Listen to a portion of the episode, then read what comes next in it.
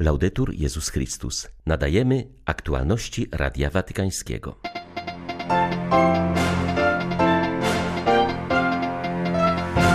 Dość przelewania krwi i przemocy, dość konfliktów i wzajemnego oskarżania, dość niszczenia. Czas budować. Pozostawmy wojny i niech nastanie czas pokoju, powiedział papież w przemówieniu do władz Sudanu Południowego. Sytuacja jest napięta, ale ludzie zmobilizowali się i szli w pielgrzymce, przemierzając wielkie odległości na spotkanie z Ojcem Świętym z nadzieją, że w końcu dokona się pojednanie i powróci pokój, mówi siostra Elżbieta Blok, pracująca w tym kraju. Żegnając dzisiaj rano Demokratyczną Republikę Konga, Franciszek nazwał ten kraj wielkim lasem stanowiącym zielone serce czarnego lądu, płucem całego świata. Podziękował mieszkańcom za roczne cierpliwe oczekiwanie na jego odwiedziny. 3 lutego witają Państwa Beata Zajączkowska i ksiądz Krzysztof Ołdakowski. Zapraszamy na serwis informacyjny. Usłyszawszy krzyk ludu, który płacze z powodu przemocy, braku bezpieczeństwa i ubóstwa oraz klęsk żywiołowych, wyruszyliśmy w ekumeniczną pielgrzymkę pokoju, powiedział papież podczas spotkania z władzami Sudanu Południowego, przedstawicielami społeczeństwa obywatelskiego i korpusu dyplomatycznego. Dodał, że wraz z honorowym zwierzchnikiem wspólnoty anglikańskiej i moderatorem Zgromadzenia Ogólnego Kościoła Szkocji wyciąga rękę. Staje przed rządzącymi rządzącymi krajem i przed jego ludem w imię Jezusa Chrystusa, księcia pokoju. Bycie tutaj dzisiaj z wami stanowi znak wysłuchanej modlitwy, powiedział arcybiskup Justin Welby. Przypomniał o wieloletnich wysiłkach pasterzy kościołów na rzecz pojednania w tym afrykańskim kraju, między innymi o rekolekcjach, jakie zorganizowano w Watykanie. Modliliśmy się wówczas, żeby była to przestrzeń dla działania Ducha Świętego i widzieliśmy w tym spotkaniu możliwość nadziei. Papież Franciszek uklęknął, by ucałować stopy każdego z polityków. Prawie pięć lat po tych wydarzeniach powracamy w ten sam sposób, na naszych kolanach, by myć stopy, by słuchać, służyć i modlić się z wami. A Jan Greenshields, lider szkockich prezbiterian, podkreślił, że choć wraz z innymi pasterzami pochodzą z różnych tradycji, to jednak starają się podzielać nadzieję naszego Pana, aby wszyscy stanowili jedno, aby kościoły i narody pracowały razem. Błogosławieni, którzy wprowadzają pokój, mówi Jezus, książę pokoju pokoju, który przynosi sprawiedliwość dla wszystkich, dla rodzin, plemion, narodów. Dziś potrzebujemy tego pokoju. Potrzebujemy kościołów oraz przywódców hojnego serca, tolerancyjnych z miłości i rozrzutnie rozdających Bożą łaskę. Potrzebujemy przywódców troszczących się o wartości, którymi żyją nasze kraje, dbających o warunki, w jakich żyją ludzie i realizujących swoją wiarę w pracy wśród najbardziej bezbronnych i zepchniętych na margines. Te rzeczy składają się na pokój.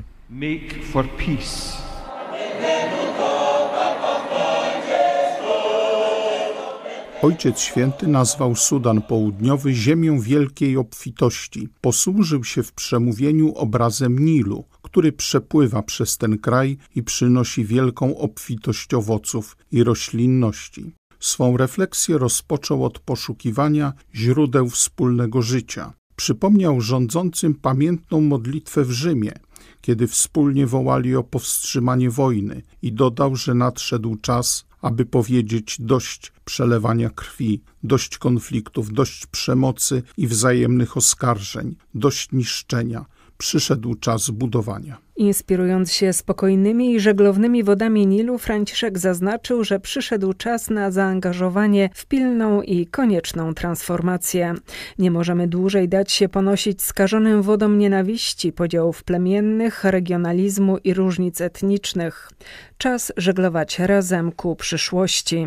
Papież zauważył, że rzeka, kontynuując swój bieg w pobliżu jeziora No, łączy się z inną rzeką, dając początek temu, co nazwane jest Białym Nilem.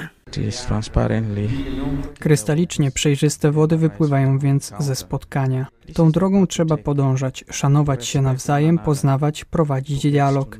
Bo jeśli za każdą przemocą kryje się gniew i niechęć, a za każdym gniewem i niechęcią kryje się niezagojona pamięć o ranach, upokorzeniach i krzywdach, to wyjściem z tego jest tylko spotkanie. Zaakceptowanie innych jako braci i danie im przestrzeni, potrafiąc nawet uczynić kilka kroków wstecz.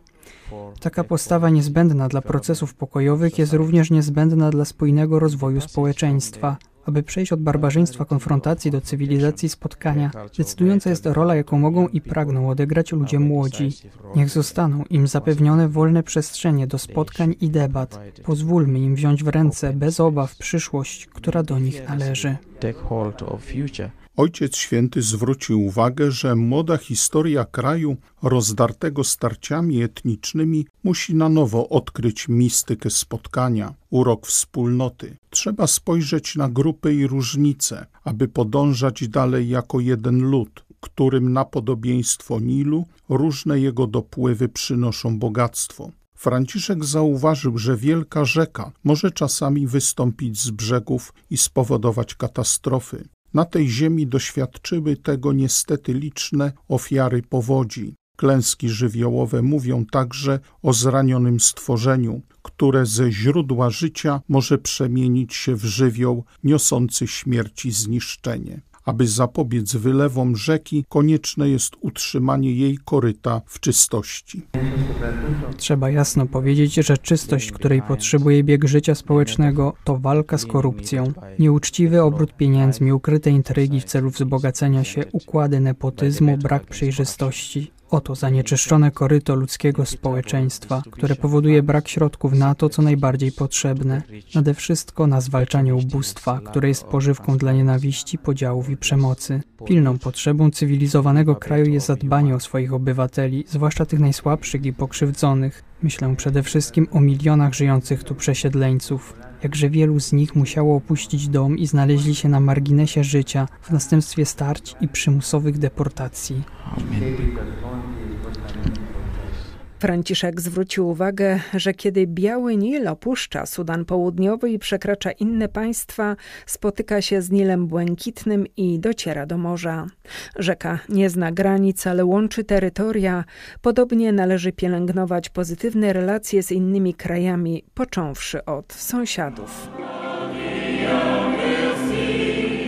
O tym, jak bardzo mieszkańcy Sudanu Południowego potrzebują nadziei, świadczy pielgrzymka młodzieży, która z najodleglejszych zakątków kraju przybyła do Dżuby na spotkanie z Franciszkiem. Młodzi wierzą w lepszą i pokojową przyszłość i chcą ją budować, a od papieża oczekują wskazówek, jak to odpowiedzialnie robić mówi Radiu Watykańskiemu siostra Elżbieta Blok ze Zgromadzenia Sióstr Szkolnych de Notre Dame. Pracuję w instytucie, gdzie kształcimy nauczycieli, więc ci nasi studenci mają praktyki w szkołach. Byłam wysłana, żeby obserwować i ocenić danego studenta, jak uczy, jak przeprowadza lekcje. To było dla mnie zaskoczeniem. 150 ponad dzieci w klasie, połowę siedzi na jakichś tam ławkach, a resztę w ogóle na ziemi. Więc warunki w szkole bardzo mizerne, poziom bardzo niski. To już takie dla mnie było